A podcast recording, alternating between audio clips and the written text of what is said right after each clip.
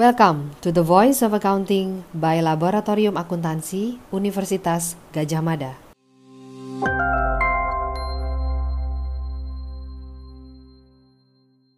Nah, ini sudah ada beberapa pertanyaan yang uh, tertarik untuk di eh, bukan tertarik, menarik menarik untuk didiskusikan gitu uh, oleh ketiga pembicara kita. Saya coba bacakan gitu ya.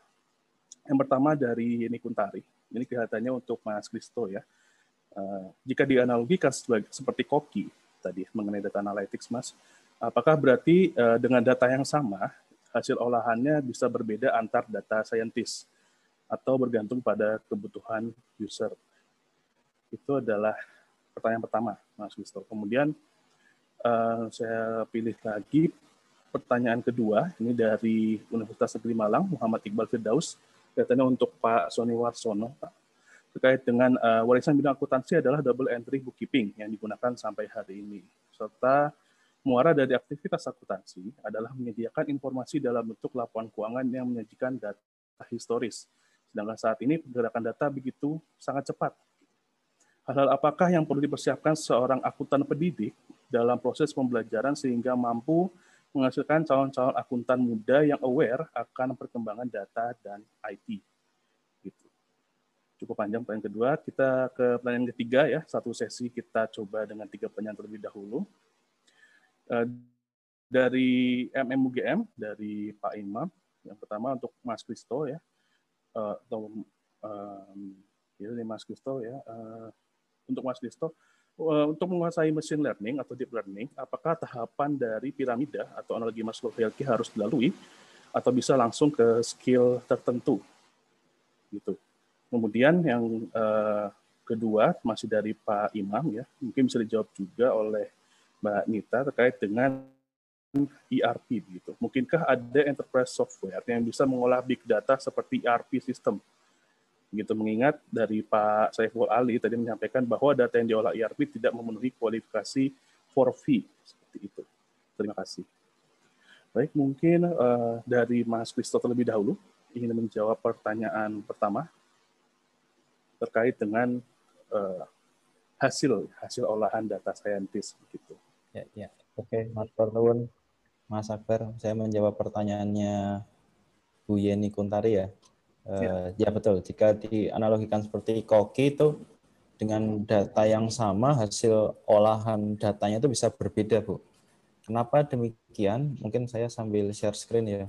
Uh, di dalam dunia data analitik itu biasanya kita menggunakan framework ya kalau di di apa namanya di tempat kami dunia data analytics itu ada framework CRISPR DM Cross Industry Standard Process for Data Mining. Ini tadi eh, apa namanya disinggung sedikit oleh Pak Saiful Ali ya di depan. Eh, jadi kita selalu bekerja itu pertama menggunakan business understanding ini. Nah business understanding tadi itu questioning ya questioning create question mem, apa namanya mengenerate membangkitkan pertanyaan seputar apa sebenarnya ingin kita selesaikan permasalahannya. Nah, biasanya setiap uh, apa namanya uh, data analis atau data scientist ini pendekatan business understanding-nya berbeda-beda tergantung apa namanya pengalaman mereka juga ya seperti itu. Dan kemampuan menggali data menggali data. Ini saya dapatkan mungkin saya sambil cerita bu uh, bu Yeni tadi ya uh, yang bertanya sekarang ini saya menjadi uh, tenaga di PMDDY untuk me, apa namanya melakukan data analitik uh, project di Jogja Center. Jadi istilahnya seperti Jogja Smart City di di Pemda seperti itu. Dan saya beberapa waktu yang lalu tuh uh, keliling di FGD ke OPD OPD ke dinas-dinas. Dan betul bahwa ketika kita bertanya kepada pemilik data, pemilik data dalam hal ini OPD OPD atau teman-teman di dinas itu uh, kedalaman terhadap pertanyaan itu menentukan nanti teman-teman bisa menggali data apa saja sih yang sebenarnya dimiliki oleh OPD tersebut. Nah, akhirnya apa? Akhirnya jika teman-teman mendapatkan sumber data yang berbeda, ya kan, sumber data yang berbeda yang sudah dapat di business understanding dan data understanding ini, maka hasilnya nanti akan berbeda ketika teman-teman melakukan proses modeling seperti itu. Dan bahkan di proses di algoritma modeling ini pun banyak sekali jenisnya. Kalau di dalam dunia machine learning itu kita mengenal dua metode, namanya metode supervised learning dan unsupervised learning ya. Nah, eh, kedalaman seperti apa nanti bisa saya jelaskan di kesempatan lain, tapi intinya adalah sama seperti metodologi di dunia keilmuan yang lain, setiap eh, apa namanya, setiap pendek, setiap apa namanya algoritma supervised maupun unsupervised learning itu memiliki apa namanya jenis algoritma yang berbeda-beda dan mungkin ke tingkat akurasinya sih yang biasanya kita kita apa namanya berhitungkan ya. Jadi kalau teman-teman nanti ingin eh, apa namanya membuat suatu analisis analisis data dengan menggunakan apa namanya pendekatan data analitik itu jangan heran kalau mungkin satu data scientist dengan dengan data scientist yang lain itu memiliki hasil berbeda. Hasil berbeda itu nanti bisa kita urut pertama dari hulunya yaitu apakah business understanding data understanding uh, apa prosesnya itu sama dan yang ketiga yang bagian hilir setelah ketemu data paper setelah ketemu datanya apakah algoritma data modelingnya itu betul atau tidak sorry uh, sesuai atau tidak seperti itu mungkin itu jawaban dari saya mas Matur nuwun. Baik, terima kasih Mas Gusto terkait dengan pertanyaan yang uh, ketiga. Mas, apakah sekalian ingin dijawab atau? Oh ya boleh, boleh, boleh, boleh. Ya, terkait dengan uh, pertama tadi machine learning ya. Apakah tahapan dari piramida harus dilalui? Piramida ini piramida analogi Maslow gitu tadi. Oh ya, oke, okay, oke, okay. matur nuwun. Sebentar, saya share yang ini tadi ya. Yang ini berarti. ya betul Mas. Uh, pertanyaan tadi Mas Imam ya dari Mas dari Imam. Mas ya. Imam. Betul. Maturon Mas Imam atas pertanyaannya. Ya memang kalau kami di apa namanya di Sada Sakti karena bergerak di service education teknologi ya di bidang uh, apa namanya digital talent development skill kita memang punya path atau hierarki atau kurikulum untuk uh, apa namanya menjadi sebuah seorang machine learning engineer, data scientist, data analyst atau data engineer. Uh, setiap empat profesi ini memiliki jalurnya masing-masing sama seperti kalau teman-teman ambil mata kuliah ya ada mata kuliah prasyarat tertentu ya kan kalau di kampus nah itu hal yang sama juga ketika Mas Imam ingin belajar menjadi seorang machine learning engineer, AI engineer, data scientist, data analyst atau data engineer.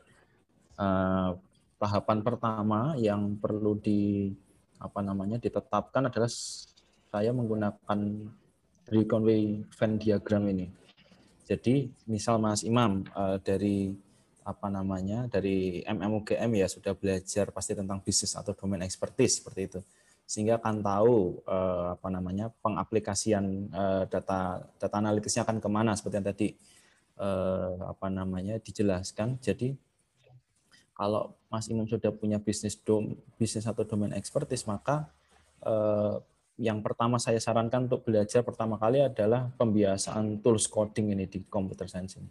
Atau nanti misalnya menggunakan tools yang lebih eh, apa namanya lebih mudah ada beberapa tools yang non code tapi saya menyarankan yang code supaya bisa masuk dalam level production di perusahaan ya karena data yang eh, apa namanya yang sedia sekarang sangat besar. Jadi Mas eh, Mas Imam nanti belajar code nya dulu, how to code pembiasaan logika pemrograman di baliknya. Lalu kemudian eh, apa namanya setelah membiasakan logika logika pemrograman di baliknya, kemudian masuk ke ini logika matematik dan statistik dulu. Kenapa? Karena di dalam uh, algoritma machine learning itu isinya sebenarnya kalkulus mas kalau mas mas Imam mau mendalami uh, secara utuh ya kuliah saya di ilmu komputer UGM dulu itu mesin learning itu isinya kalkulus semua mas mata kuliah prasyaratnya itu kalkulus satu kalkulus dua kalkulus lanjut itu semua harus diambil sebelum ambil mesin learning tapi itu biarkan anak-anak kayak saya aja yang belajar mas. Yang penting mas Imam tahu logiknya tahu bisnis domain expertise-nya nanti bisa kalau bahasa Jawanya bisa ngongkon saya seperti itu ya. Bisa melakukan apa delegate delegate pekerjaan teknikal. Yang penting kalau dari sisi teman-teman uh, apa namanya magister manajemen ataupun dari teman-teman FEB sepanjang teman-teman tahu bisnis atau domain expertise-nya dan sepanjang teman-teman tahu logik ya logik data analitik itu bekerja jika goalnya ingin menjadi machine learning engineer saya rasa uh, tadi bisa dipakai belajar coding, belajar matematik, dan nanti disambungkan dengan bisnis atau domain expertise-nya. Seperti itu Mas jawabannya, Matur nuwun. Ya, baik. Terima kasih sekali lagi Mas Kristo. Ini sebenarnya masih ada satu pertanyaan. Ini tujukan untuk Mas Kristo, tapi mungkin dari Mbak Nita juga bisa menanggapi terkait dengan apakah ada enterprise software yang bisa mengolah data seperti ERP system. Mungkin dari modul-modulnya gitu atau bagaimana? Mungkin dari uh, Mas Kristo ada tanggapan? Oh oke okay, oke. Okay. Kalau dari Mas Imam juga ini ya? Iya uh, masih dari Mas Imam juga. Kalau saya boleh apa namanya berpendapat sebenarnya ERP sistem seperti SAP itu tuh dia termasuk 4V juga Mas Imam. Kenapa? Kenapa dia saya golongkan sebagai big data? Karena di dalam bisnis atau perusahaan tuh transaction kan juga masuk ERP ya. Dan transaction itu kan rapidly apa namanya bertambah terus ya kan datanya kan.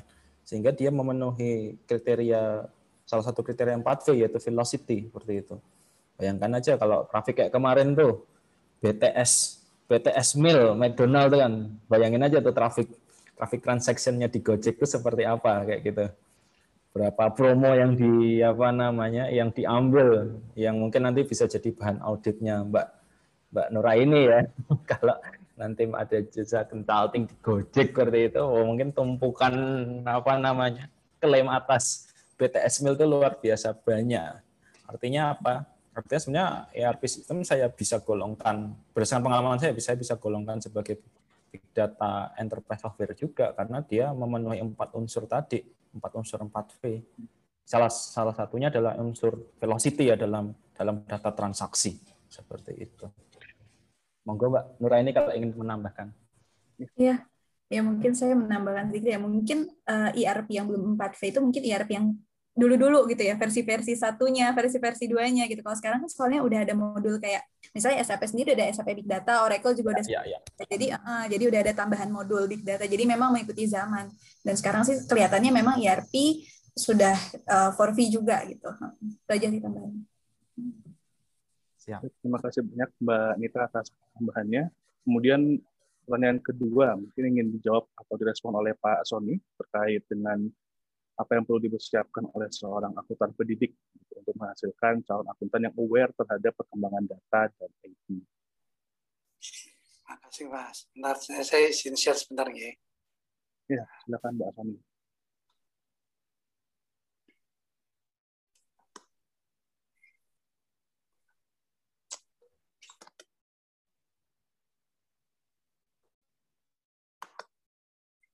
Mungkin eh, tadi saya menangkapnya ada dua pertanyaan yang apa bisa saya coba diskusikan. Yang pertama, kalau akuntansi sekarang itu transaksi sangat luar biasa, sering banyak velocity-nya tadi, variety-nya juga muncul dan sebagainya. Itu apakah akuntansi yang ada sekarang ini bagaimana bisa menghindari itu ya? Ini saya tampilkan produk supaya kami memanfaatkan ke Sheet barang gratisan itu kami buat sehingga laporan keuangan itu real time. Jadi begitu ada penjurnalan maka laporan keuangan langsung berubah. Jadi tidak perlu menunggu akhir tahun disesuaikan dan sebagainya, itu sudah langsung berubah. Ini sebagai respon bahwa dengan Dr. Henry itu laporan keuangan bisa real time. Ya. Nah, kemudian pertanyaan yang kedua tadi terkait dengan saya sebagai status sebagai dosen gitu ya. Nah, saya tempatkan di sini. Ini eh, dalam beberapa ini pengalaman pribadi saja ya. Nanti monggo kalau kemudian paham yang berpendapat lain. Jadi dalam pembelajaran sering kali saya masih menemui mahasiswa beranggapan di itu tambah. Kredit itu kurang. Meskipun mungkin kalau dibantah sudah nggak bisa jawab lagi kan gitu ya. Padahal di itu kiri kredit itu kanan atau kemudian kita juga sering menemui kalau ditanya kenapa toh akuntansi itu pakai ini, ya pokoknya gitu. Andalannya adalah kesepakatan nenek moyang kita.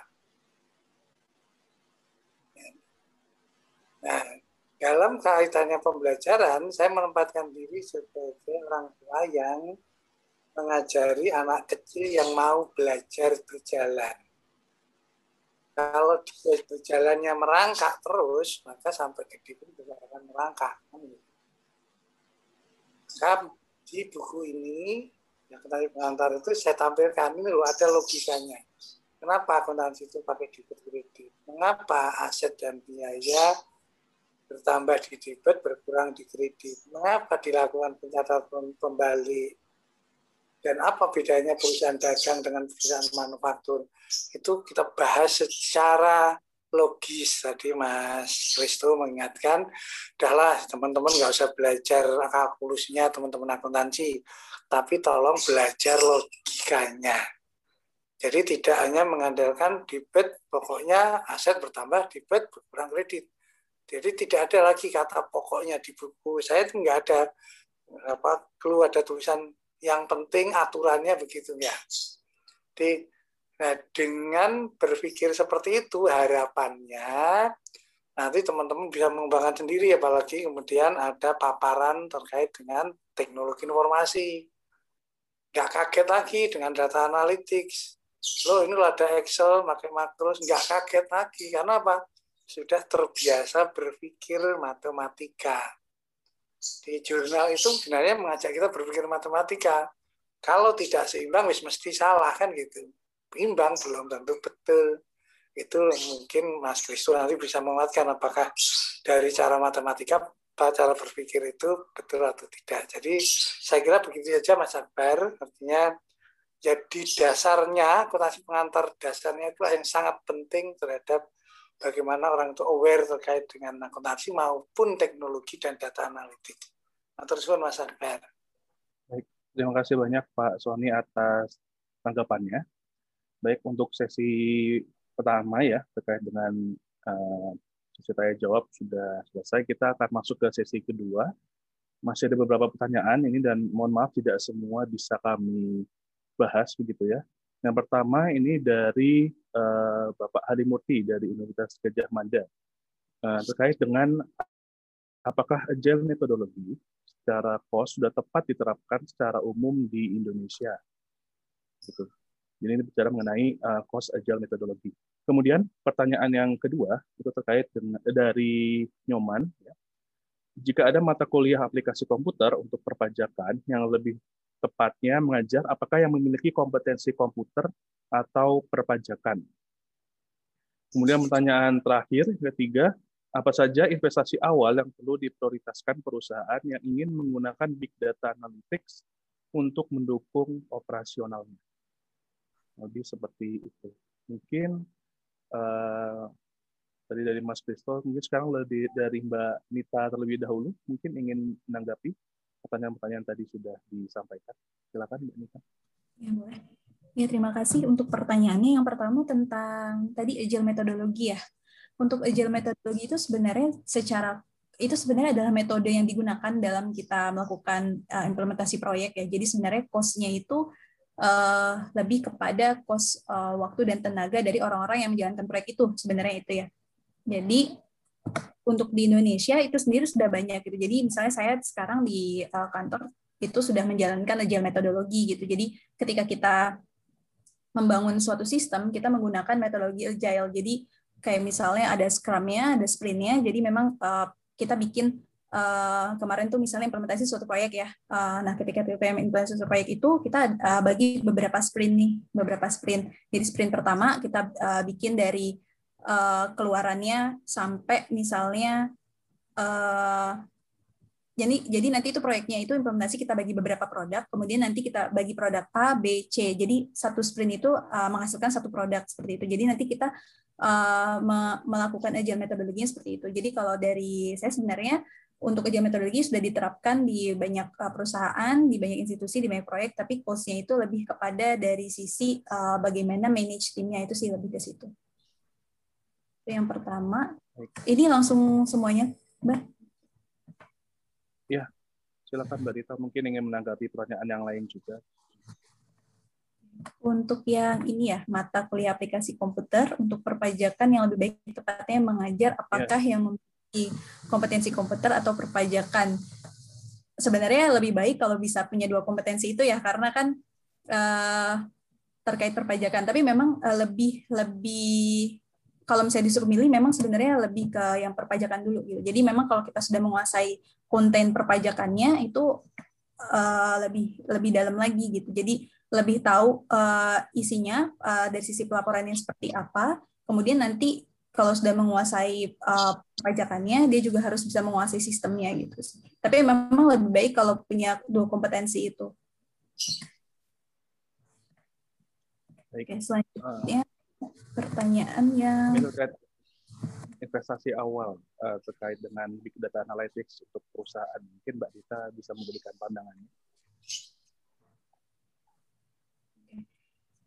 untuk investasi awal big data analytics ini ya sebenarnya kalau uh, suatu perusahaan menerapkan big data analytics yang pertama memang harus diakses kesiapannya ya readiness-nya dulu nih readiness dari perusahaan itu uh, sudah sejauh mana untuk implementasi big data analytics nanti dari readiness itu biasanya nanti udah ada hasilnya oh ternyata uh, perusahaan ini masih misalnya kurang improvement di uh, resource-nya belum ada gitu kan misalnya. Nah, itu berarti yang harus diprioritaskan itu misalnya resource-nya dulu orang-orang yang memang uh, paham tentang big data analytics seperti apa. Tapi misalnya dari perusahaan itu atau institusi itu sudah punya resource-nya, tapi ternyata setelah di-assess readiness-nya ternyata yang kurang uh, infrastrukturnya. Berarti harus diprioritaskan infrastrukturnya dulu gitu kan. Ya, mereka belum ada nih uh, platformnya belum ada, kemudian nanti uh, codes-nya belum ada dan segala macam. Jadi yang pertama uh, kita readiness assessment dulu, nanti karena hasilnya itu beda-beda setiap uh, setiap perusahaan, mana yang harus diprioritaskan terlebih dahulu.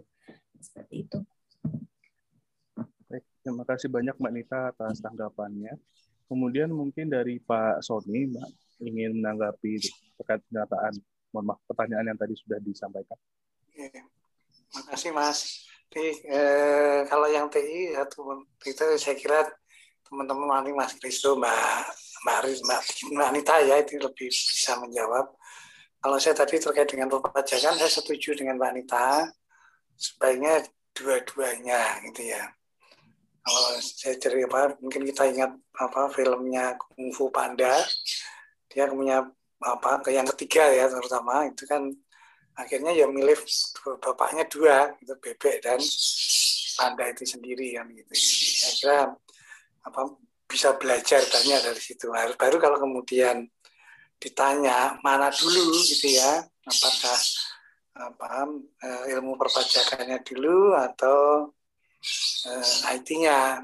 Jadi kalau secara individu kita harus mengenali dulu, belajar dulu logikanya. Cara berpikir logika umum. Logikanya umum itu seperti apa toh? Baru kemudian belajar karena perpajakan pun kan juga ada polanya, ada ada logikanya. Jadi kalau kita sudah terbiasa dengan logika yang lurus, maka kemudian mempelajari pajak kan jauh lebih mudah, lebih cepat. Tetapi kalau kemudian sekarang misalnya mahasiswa, ya sudah belajar pajak dulu, bersusah payah sampai sekarang saya juga masih belum tahu apa patternnya, polanya pajak itu karpet ya, ya tiap tahun kok berubah-ubah begitu. Tapi kalau kemudian dengan AI itu akan terdeteksi oh polanya mesti begitu-begitu saja. Itu yang nah, sehingga kalau kita mungkin bisa ini loh polanya dari logikanya dari pajak kemudian dibawa ke teknologi informasi. Saya kira begitu saja nih. Kalau yang agile dan sebagainya saya kira teman-teman yang lain lebih baik menjawab. Terus Mas. Terima kasih sekali Pak Sony atas tanggapannya. Kemudian yang terakhir dari Mas Kristo. Oh ya, eh, ingin menanggapi yang tadi investasi awal itu ya, itu betul sekali tadi eh, yang disampaikan eh, apa namanya bahwa investasi terhadap tadi tulisannya apa ini ya? Sebentar saya scroll. Investasi yang perlu diprioritaskan ya itu betul langsung sumber daya manusia ya pertama dan utama. Kenapa? Karena human capital di dunia apa namanya teknologi ini ya yang membuat algoritma yang membuat semua apa namanya semua infrastruktur itu ya manusia seperti itu. Bukan bukan apa namanya bukan siapa-siapa lagi gitu. maka dari itu investasi yang besar itu justru harus ada di human capital dulu ya, di human capital dulu. Ini yang sering kali saya temukan beberapa kali konsult apa namanya teman-teman dari pelaku industri yang ada di uh, Jogja maupun di luar Jogja, di Jakarta seperti itu bertanya kepada saya, Mas, kalau saya ingin membangun data analitik tim tuh harus seperti apa, Mas? Gitu kayak gitu. Nah, pertanyaan tersebut biasanya saya jawab, apakah bisnis Anda membutuhkan data analitik sekarang? Nah, biasanya saya korek ke first principle seperti itu dulu. Jangan-jangan ngikutin trend doang kayak gitu kan. Ya itu biasanya nanti apa namanya uh, sering terjadi tuh hal, seperti itu ikut tren aja tapi sebenarnya uh, secara bisnis tidak menggunakan data analitik ya bisa tetap bisa jalan kok kayak gitu nah cuman uh, yang ingin saya tekankan adalah uh, kalau perusahaannya sudah besar sudah bentuk korporasi dan kemudian apa bisnis prosesnya sudah sangat kompleks sehingga uh, bisnis proses tersebut mengkoleksi atau membuat output data yang luar biasa besar. Nah, biasanya sumber sumber investasi besar itu untuk membangun apa namanya menggunakan big data analytics itu adalah sumber daya manusia ya. Bisa dari internal sendiri. Pengalaman saya beberapa kali bertemu uh, klien itu ada yang mengembangkan dari internal sendiri. Itu biasanya digunakan di government di government itu biasanya mereka menggunakan uh, melatih ya, melatih eh, existing human capital di dalamnya. Lalu yang kedua adalah melakukan outsource di pihak ketiga kan, di vendor kan, seperti itu. Oke, itu saja yang tanggapan saya Mas Akbar